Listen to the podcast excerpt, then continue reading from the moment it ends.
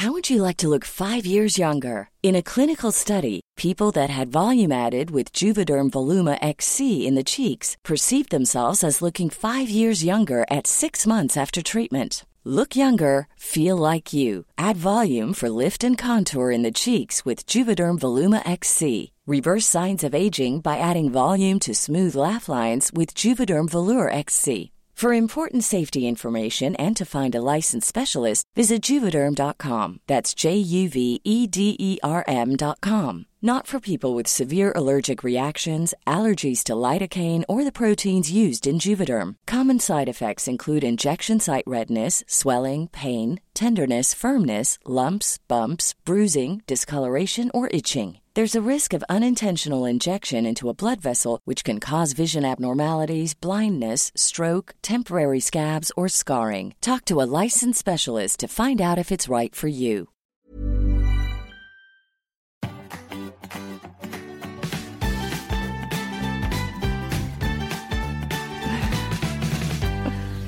Hei og velkommen til en ny sesong av Foreldrekoden. Det føles jo helt nydelig da, å være tilbake med verdens beste lyttere. Gjør det ikke det da, Hedvig Montgomery, som sitter her, psykolog og familieterapeut? Jo, det er en fest å få lov til å være på Foreldrekoden i ny sesong. Ny sesong og nytt år. Godt nyttår, får vi si, på etterskudd. Det er 2020 og tid for blanke ark. Og dette med blanke ark, det er en sannhet med modifikasjoner, fordi det har en tendens til å bli klussa til veldig fort. Det er ikke så lett å designe livet sånn som vi ønsker det, eller slik andre forventer. Fordi det er så mange faktorer vi jo ikke har kontroll over. Og sånn er det vel litt med barn også. Alle vil ha flinke, velpresterende, utadvendte, emosjonelt stabile og lykkelige barn. Men i dag skal vi snakke om at det er en grunn til at det Ja, at heller ikke de kan formes sånn som vi vil. Og det har med personlighet å gjøre, og den har vi ikke nødvendigvis kontroll over. Er det ikke sånn, Hedvig?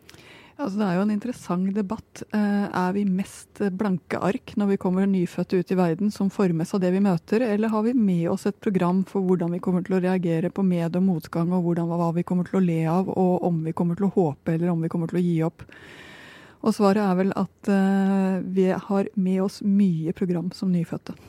Mye program som vi skal gå gjennom suksessivt. Hedvig, jeg tror det finnes en del myter om barnas personlighetsutvikling når de, når de modnes og i hvilken takt osv. Noen sier at det meste av personligheten er på plass på tremånederskontrollen. Det har jeg hørt. Stemmer det? Uh, og jeg holdt nesten på å si heldigvis ikke. Uh, om vi er mest medfødt personlighet, eller om personligheten formes ut fra hva vi møter av medgang og motgang og kriser, eh, har jo vært et veldig interessant spørsmål. Og det er jo ikke så lett å forske på. Eh, sånn at forskningsmaterialet er jo relativt begrenset, fordi vi må nesten ha identiske tvillinger som møter forskjellige utfordringer, for å få svar på dette spørsmålet. Eh, så sånn sett så er det jo et eh, møysommelig arbeid å finne nok barn å forske på. For det er jo helt umulig å skille barn fra omgivelser, skille barn fra familier, skille barn fra opplevelser.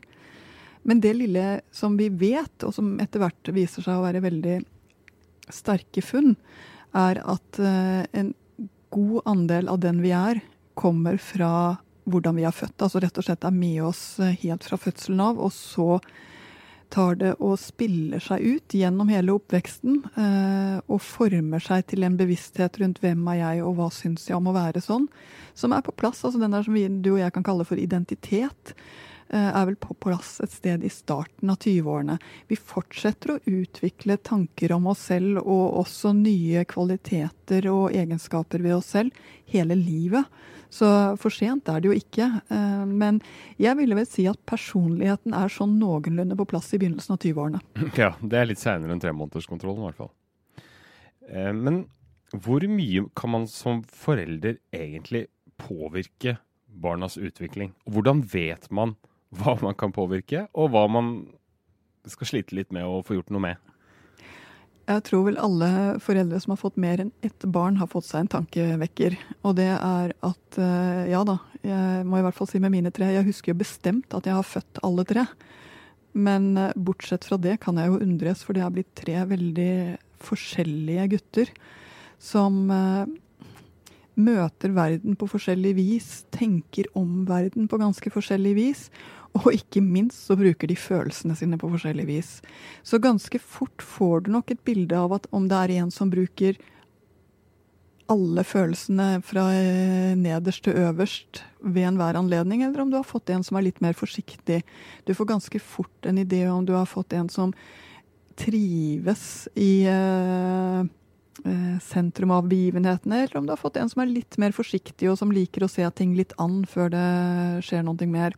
Vi pleier å si at uh, når det kommer til personlighet, så er noe et sted mellom en fjerdedel og halvparten av det du ser hos en noen og tyve-åring, kommer av uh, medfødte egenskaper.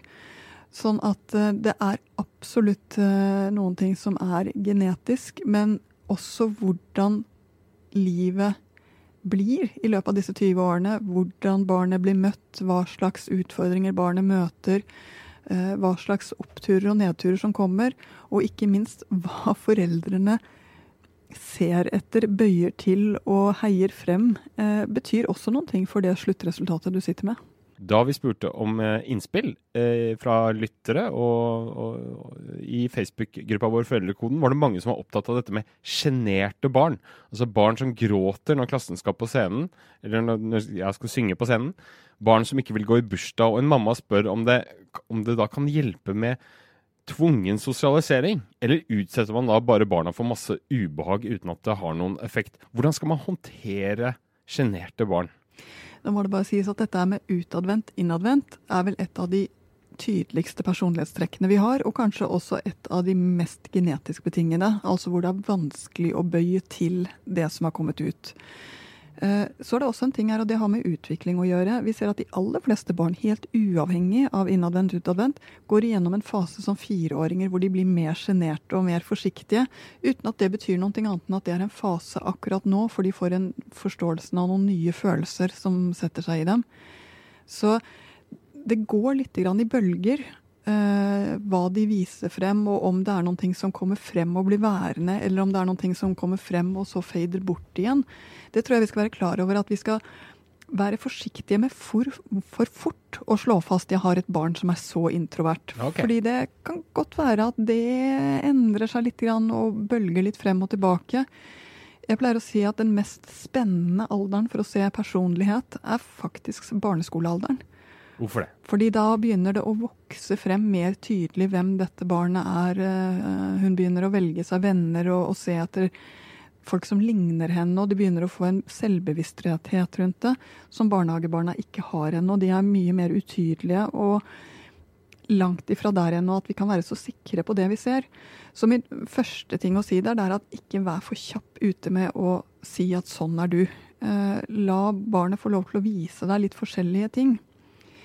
Det andre det er at sjenerthet er Jeg vet ikke om du har kjent på det, men det er ganske smertefullt. Om jeg har. Det gjør så vondt å bli tvunget til å stå forrest og synge når du kjennes ut som du kommer til å dø hvis du skal stå på den scenen. Eh, når vi jobber mot så sterke krefter, så skal vi faktisk være litt varsomme. Eh, og har du en femåring som absolutt ikke tåler det kaoset som en barnebursdags femåringsbursdag er, så må jeg si at jeg, det er ikke bare å si 'gå inn der, det går bra', jeg henter deg om to og en halv time. Have fun. Uh, det kommer til å være for vondt, rett og slett. Mm. Uh, sånn at der vil jeg si OK, bursdager er litt av det som finnes her i livet. Uh, jeg kan bli med og sitte litt på kjøkkenet og drikke kaffe, så kan du komme, altså, finne en løsning som gjør at barnet ikke føler seg utrygt og forlatt med denne følelsen av at det er voldsomt å være der, men som hjelper barnet gjennom det. For fortsatt så er det å være en del av et fellesskap er viktig, også når du er sjenert. Det å finne en måte å, å, leve med den lille ja, smerten det er, eh, og allikevel få til å finne sin plass, betyr noen ting. Så du jobber med ting hvor jeg vil si at det å dytte ut og si du må lære deg å opptre, eh, kommer til å gjøre så vondt. Og du har altså en altså, Kanskje får du lært litt av det, men mest sannsynlig så lærer barnet seg at jeg er helt feil sånn som jeg er. Jeg er ikke bra nok. Så du må finne en litt mer forståelsesfull måte til å veilede et litt sjenert barn. Du må få en, en mer forståelsesfull måte å si at ja, jeg vet det er eh, vondt å ha det på den måten, men det å klare å fremføre ting gjør at du får ut mer av det du har inni deg også. Hvordan vil du øve? Eh, og denne type litt mer avanserte samtaler er det ikke noe særlig vits i å ha før de har bikket syv. Hvis man er sjenert og man aldri og, og, man er litt for til, tilbakelent uh, i den hjelperollen, så kan det vel kanskje gjøre vondt verre. For man må jo øve seg i eh, sosialt samspill. Absolutt. Eh, og det er også noe med at hvis du unngår alt som er ubehagelig, så vil du ikke finne noen måte å vokse på. Det tar rett og slett bort litt av det vekstrommet som barn trenger. Så du skal ikke være en som sier 'sånn får du ikke lov til å være'. Det eh, er ikke noen nyttig måte å veilede et barn på. Men du kan heller ikke være den som sier 'å, er du sånn, ja da skal du slippe alt'. For det er heller ikke å veilede et barn, det er å gi opp et barn. Mm. Litt relatert kanskje, hvis man oppdager at man har et, et barn som uh, ser ut til å leke mest alene, og ser ut til å trives alene, og så er du litt redd for at du ikke skal få noen, noen sosial omgang med andre. Hvor mye skal man pushe og oppmuntre til å finne andre eh, ja, lekekamerater eller venner, da, hvis man er litt uh, eldre barn, kanskje? Det er ingen tvil om at noe av det vi virkelig ønsker barna våre, er jo at de får noen som de føler seg nær selv. Og vennskap er en viktig kvalitet her i livet. Samtidig så er det ikke noe tvil om at det er kjempeforskjell på hvordan vi forholder oss til venner. Det er bare å se i sin egen vennekrets, det, hvor du har alt fra dem som aller helst har venners vennerfest med 250 deltakere. Da føler de at de lever. Mens andre venner vil bare treffe deg på tomannshånd over en kaffe på uh, Samson, for da får de meningsfulle samtaler. Mm. Så når vi ser på vår egen voksne vennekrets, så ser vi jo hvor stor forskjell det er mellom oss mennesker i, i hvordan vi håndterer den vennskapen. Og det ene er jo ikke akkurat noe kvalitativt bedre enn det andre. Det går an å leve lykkelig med begge de to vennskapsstilene. Jeg tenker når det kommer til vennskap, at det å hjelpe barn til å finne venner som de trives med, det er et prosjekt som begynner i sånn 8-9-10-årsalderen et eller annet sted. Og det å da ha et lite blikk for hvem er du, og hvor kan du tenkes å passe inn, hvor kan du tenkes å treffe folk som du matcher med, både i klassen, i fritidsaktiviteter, og hjelpe dem litt til å finne det stedet hvor de føler seg bra sammen. For det er jo det vennskap handler om. Det er å føle seg bra sammen. Og det betyr også at det å invitere venner for tiåringen, sånn at hun skal få noen å leke med, og servere de vennene morsom mat og prøve å gjøre noe gøy ut av det uten at din egen tiåring er med på det, vil sannsynligvis gjøre vondt verre. Da vil hun jo ikke føle seg bra. Du var inne på det litt i stad. Søsken er jo ikke akkurat nødvendigvis som eh, to dråper vann. Eh, det er en mamma som eh, syns dette er spesielt utfordrende, for hun har en datter som er litt sånn irritabel og lettsint og ganske oppfarende, og, en, og en, en, sønn som er rolig, tar nei for et nei og får sjelden kjeft. Og da blir det fort forskjellsbehandling, føler hun selv. da Hun sliter med å finne balansen. Hvordan skal man navigere i dette, egentlig? Jeg må si at det å få flere barn gjør i hvert fall at du får et nytt syn på ordet rettferdighet. Rettferdighet er ikke å gi det samme til alle, men å gjøre det som trengs i situasjonen for at alle skal ha det bra. Og det, altså det er ikke noe tvil om at når en i familien tar mer plass, så gjør det noen ting med de andres eh, rom også. Det spiser det litt opp. Men jeg tenker at når hun nå har en som trenger relativt mye veiledning, som vi kan si at datteren hennes gjør. Så vit én ting, datteren kommer til å bli bedre med tiden på å håndtere sine egne følelser, til å regulere seg, til å fungere bedre. Det er bare at det kommer først nærmere tenårene. Mm. Eh, og kanskje ikke engang før i tenårene. Og, så, og da snakker vi om 16-17-årsalderen. Sånn at dette er å få en hjerne som fungerer ordentlig, hvor følelser og tanker henger helt sammen, det er langsiktig arbeid. Det kommer i hvert fall bedre tider. Det er en ting å være klar over. Det andre det er at pass på at du har de der små øyeblikkene også med de andre barna. At du gjør noe på tomannshånd med dem også. Uh, og det har litt med å se når har vi muligheten til å gjøre noe hvor ikke alle er sammen. Sånn at det barnet som også trenger litt oppmerksomhet, får den der tiden til å prate på sengekanten eller eh, på tur eller på kjøring et eller annet sted. De kommer jo til å bli forskjellig behandlet, og de er nødt til å bli forskjellig behandlet. Men det du skal passe på, det er at du har plass til hjertet i hjertet ditt for alle barna dine.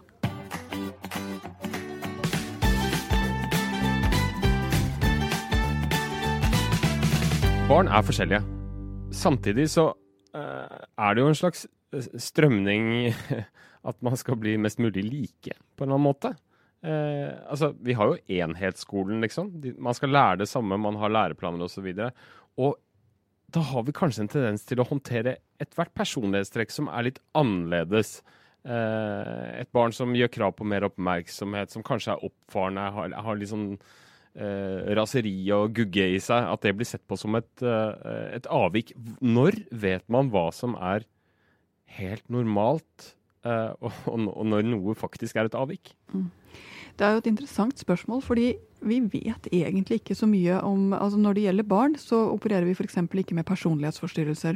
Personlighetsforstyrrelser, som er eh, en diagnosekategori som finnes for voksne, handler om at personlighetstrekk har blitt sannsynligvis så lite håndtert, og det har skjedd ting som gjør at, eh, at trekket er blitt, har frosset fast og ikke funnet en form og en helhet som fungerer ute i samfunnet.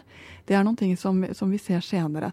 Hos barn er fortsatt personligheten så mye i støpeskjeen at det handler om å lære barna å leve med seg selv sånn som de er. Og å lære dem å håndtere seg selv i møte med verden der ute, sånn at det går bra. Altså Vi skal huske på at ja, det er en høy grad av arvelighet, men læring, eh, aksept, eh, nærhet gjør at personlighetstrekkene blir tryggere. Og at du også fungerer bedre som menneske. Sånn at i barneårene eh, så handler det om å lage det rundt den personligheten du har fått, som gjør at den kommer til å fungere. Det er det vi jobber med. Og det er interessant at du nevner skolen. fordi i skolealderen så begynner dette virkelig å sette seg. Vi begynner å få et klarere bilde av hvem er dette barnet. Og du har også helt rett i at skolen sliter ofte som system med de som ikke er helt vanlige. Eh, som blir fort sinte, som blir fort frustrerte, som fort gir opp. Eh, og det kan være vanskelig for en lærer som står der med en full klasse, å få alle disse 30 små personlighetene til å, skli sammen. Eh, og det kan bli lett å, å si at sånn som du er, får du ikke lov til å være. Um, når er det grensesetting som handler om å gi kunnskap om hva som fungerer og hva som ikke fungerer, og når blir det å straffe et barn for noe som han eller hun ikke kan noe for? Dette er ganske finstemte mekanismer mm. som jeg jo tror vi har snakket litt for lite om i hele samfunnet. Eh, enten så tror vi på oppdragelse, eh, og da tror vi at alle vil bli til hva som helst dersom vi bare kjefter og, irettesetter på riktig måte. Eller så sier vi at vi kan ikke endre barn, de er som de er. Begge de posisjonene er egentlig like forstyrrede. Barn endrer seg hele tiden, de tilpasser seg, de vil samarbeide, de vil få det til men de trenger hjelp til å få det til. Eh, ikke straff eller irettesettelse. Så jeg tror at vi altså en, eh, en, grunntese for meg er at barn samarbeider når de kan. Og når de ikke får til å samarbeide, når de ikke får til å fungere i gruppe, så må vi finne ut hva er det for noe som gjør at det ikke går. For det kan være så veldig mange forskjellige ting. Det kan være sykdom, det kan være belastninger, det kan være en personlighet som er litt firkanta, som de da trenger denne forståelsen av selv for å kunne si litt OK, nå gjorde jeg det igjen, men du, jeg skal prøve bedre neste gang. Jeg eh, skal ikke oute min sønn, men han er tre år gammel, og jeg synes av og til at jeg ser trekk i han som jeg kjenner igjen fra en annen, veldig kjent meg selv. Eh, som jeg ikke nødvendigvis tenker at det er bra at du har arva de egenskapene. Og da får jeg litt sånn stikk. Og, og, er det noe jeg kan gjøre egentlig da? Det å få barn er å få et slags trollspeil av seg selv. Du ser sider ved deg selv, bare litt forvrengt eller litt tydeligere eller litt annerledes. Og det kan til tider være en ganske ubehagelig øvelse å få akkurat det. Ja, det er det. Uh, og jeg, jeg, kjenner jo på det selv også. Jeg ser jo at hvert av mine barn har fått litt forskjellige sider av meg selv. Noen ting som jeg er ikke så fornøyd med å se.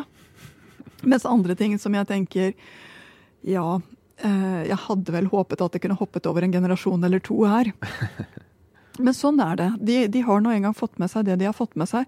Og det som også har vært en aha-opplevelse for meg, det er at det jeg instinktivt har tenkt på som dårlige sider ved meg selv, har jeg plutselig sett faktisk kan være ganske fine i barna mine. Har du noe eksempel der, eller? Det er ikke noe tvil om at en av de mine, han er eh, Han har den utadvendtheten som jeg husker at jeg hadde som barn selv. Og som jeg den gangen fikk eh, en del eh, korreksjon på. Så mye plass burde jeg ikke ta.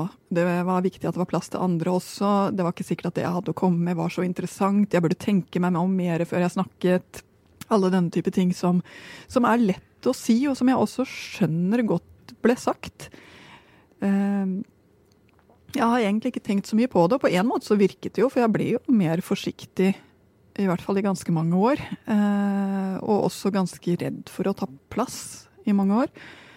Eh, men så var det da min yngste da jeg skulle hente ham i barnehagen og kom, så fant jeg ham ikke. Og det var fordi han hadde gått utenfor gjerdet. Som selvfølgelig ikke er lov, men det er ikke bare det at han hadde gått utenfor gjerdet. Han sto og underholdt en hel benk med pensjonister eh, fra det lokale eldresenteret. Eh, og det var ingen tvil om at de koste seg. Det var ingen tvil om at han koste seg. Og allikevel så var min, mitt første sånn, instinkt, eller raske bevegelse her, det var at jeg ville gå bort til ham og ta ham bort og si at det holder nå, det jeg har sikkert fått hørt nok nå. Altså, ta akkurat den samme teknikken som, som jeg selv møtte. Så jeg stoppet opp og, og, så situasjonen og tenkte hvis jeg ikke hadde vært meg, hva hadde jeg sett da? Og da tenkte jeg at det jeg hadde sett her, det er en benk med pensjonister som koser seg, og en liten uh, fireåring som har det fantastisk. Så jeg uh, gikk rett og slett bort og spurte om han hadde det fint, og han bekreftet det. Og så spurte jeg om han var klar for å gå hjem, og det var han også. Så han vinket begeistret ha det til benken. Og så gikk vi derfra. Og så tenkte jeg at dette er litt en vekker, fordi når du har ting med deg som er blitt møtt på en bestemt måte i din egen oppvekst, så er det så lett å tenke at akkurat den måten er den eneste måten å håndtere det på. Men det finnes andre måter, og det kanskje til og med finnes bedre måter. Veldig mange kjenner jo også det når de har barn som er sjenerte. De er så redde for at barna deres skal oppleve de samme begrensningene ved å være forsiktig. At, de, at det lammer dem litt med angst, nesten. Mm. Så jeg tror vi er mange som får den type trollspeilopplevelser. Men jeg tror det handler litt også om å stoppe opp og tenke OK, så har han fått det. Hva tenker jeg egentlig om det? Hvordan har jeg lyst til å møte det? Du trenger ikke å gjøre det på samme måte, og du kan til og med finne nye veier som gjør deg ny på en måte også. Men når er egentlig personligheten satt da? Du sa at i 20-årene så er den uh, forma, liksom. Men hvis man har noen karaktertrekk ved seg selv, da. Og nå snakker jeg ikke nødvendigvis om barn, men det kan være meg, det. Som har noen karaktertrekk som på, kanskje knyttet til personlighet, hva vet jeg. Men som man gjerne vil trene seg opp til å bli bedre på. F.eks. mindre bekymra, mindre konfliktsky. Hva kan man gjøre med det? Altså, Muligheten til å bli bedre er der helt til det er for sent. Og for sent er det ikke før den dagen du bukker under av alderdom, sannsynligvis. Så det eneste som gjør oss bedre, er faktisk refleksjon. Uh, OK, nå kom den igjen. Her står jeg, og, og, det var en diskusjon på jobben, og jeg var den gikk og lagde kaffe. Eller at jeg skulle jo virkelig ønske at jeg var en fredsmegler, men det er ikke til å komme forbi at det blir mye bråk alle steder hvor jeg ferdes. Hva er det egentlig som skjer? Altså Du må rett og slett gi deg selv anledning til å stoppe opp, tenke litt grann hvor kommer det fra? Handler kanskje litt om meg? Og hva kan jeg gjøre med det? Hvordan kan jeg leve med det, sånn at det blir et mer ålreit liv? Sånn at jeg ikke alltid er den som står på kjøkkenet, eller alltid er den som lager bruduljer. Altså, hadde ikke refleksjon virket, så hadde jo ikke terapi virket. Eh, det er det som gjør det så fantastisk. Det er at evnen til å tenke om gjør det lettere å leve med. Som foreldre har vi kanskje en tendens til bevisst eller ubevisst å prøve å liksom forme barna inn i en sånn skikkelse av perfeksjon. Er ikke det riktig? Jo, og vi ser opp gjennom tidene at uh, ved å bare lese barnelitteratur, så ser vi hva er et ønsket barn.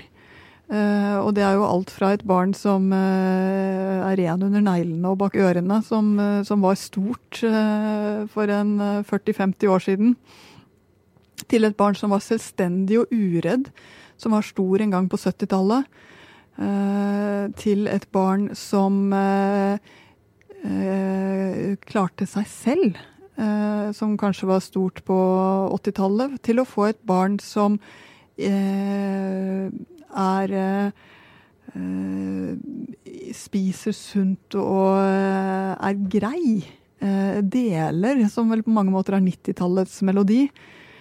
Så vi ser at hva, hva, som er idealet for et barn, varierer jo litt fra tiår til tiår og, og fra foreldregenerasjon til foreldregenerasjon.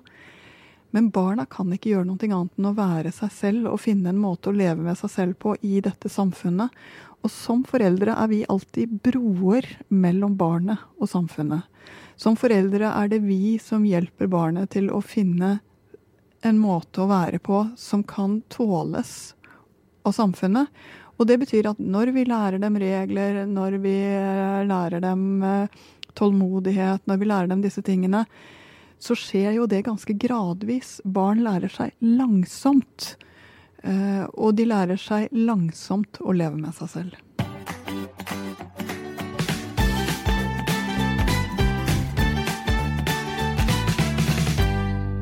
Også i 2020 skal vi ha en liten spalte i spalta, for å si det slik, som vi kaller for Ukas spørsmål. Og ukas spørsmål kommer fra en, fra en, eh, av våre følgere på Instagram. En mor som opplever at andre foreldre snakker ned sine egne barn i påhør av andre foreldre. På en ikke så veldig hyggelig måte, har hun observert.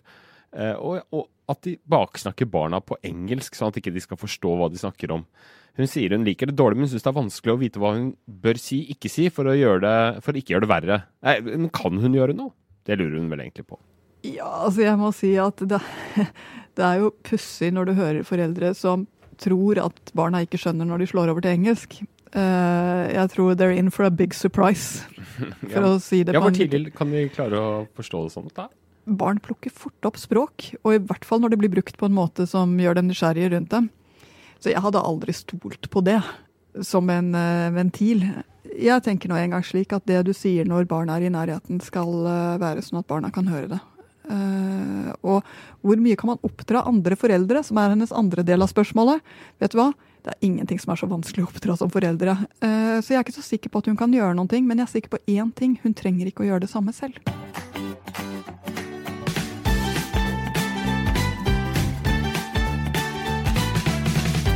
Da er det på tide å oppsummere litt det vi har snakka om i dag.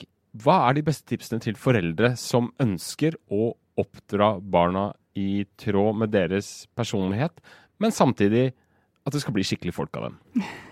Altså Det første er vær nysgjerrig på barnet ditt. Hva slags barn er det egentlig du har fått? Det andre det er det er ikke ferdig. Sånn at hvordan du smiler til barnet, hvordan du hjelper barnet og hvordan du er tålmodig med barnet, setter spor. Så ditt møte med barnet er også med på å møte, forme personligheten. Det er ikke ferdig på tremånederskontrollen. Og det siste det er at den muligheten det er å bli kjent med seg selv gjennom et barn, er en fantastisk vekstmulighet. Ikke bare for barnet, men også for deg. Selv om det er litt skummelt? Selv om det er litt skummelt. Hvis det er en ting man absolutt ikke bør gjøre? Hva er det? Det du ikke bør gjøre, er å presse barn eh, som eh, har det dårlig med noen ting, til å bli en annen enn det de er. Altså få barna til å spille annerledes eller til å opptre annerledes fordi du sier at sånn må det være. Det er enten det er det sjenerte barnet i bursdagen eller det er eh, det overivrige barnet i bursdagen. Se på begge delene og smil til det først, og finn en måte å håndtere det på som gjør at det blir ålreite gjester ut av disse også. Bra. Da gjenstår det bare å si én ting, og det er takk for i dag, og håper vi høres igjen om en uke.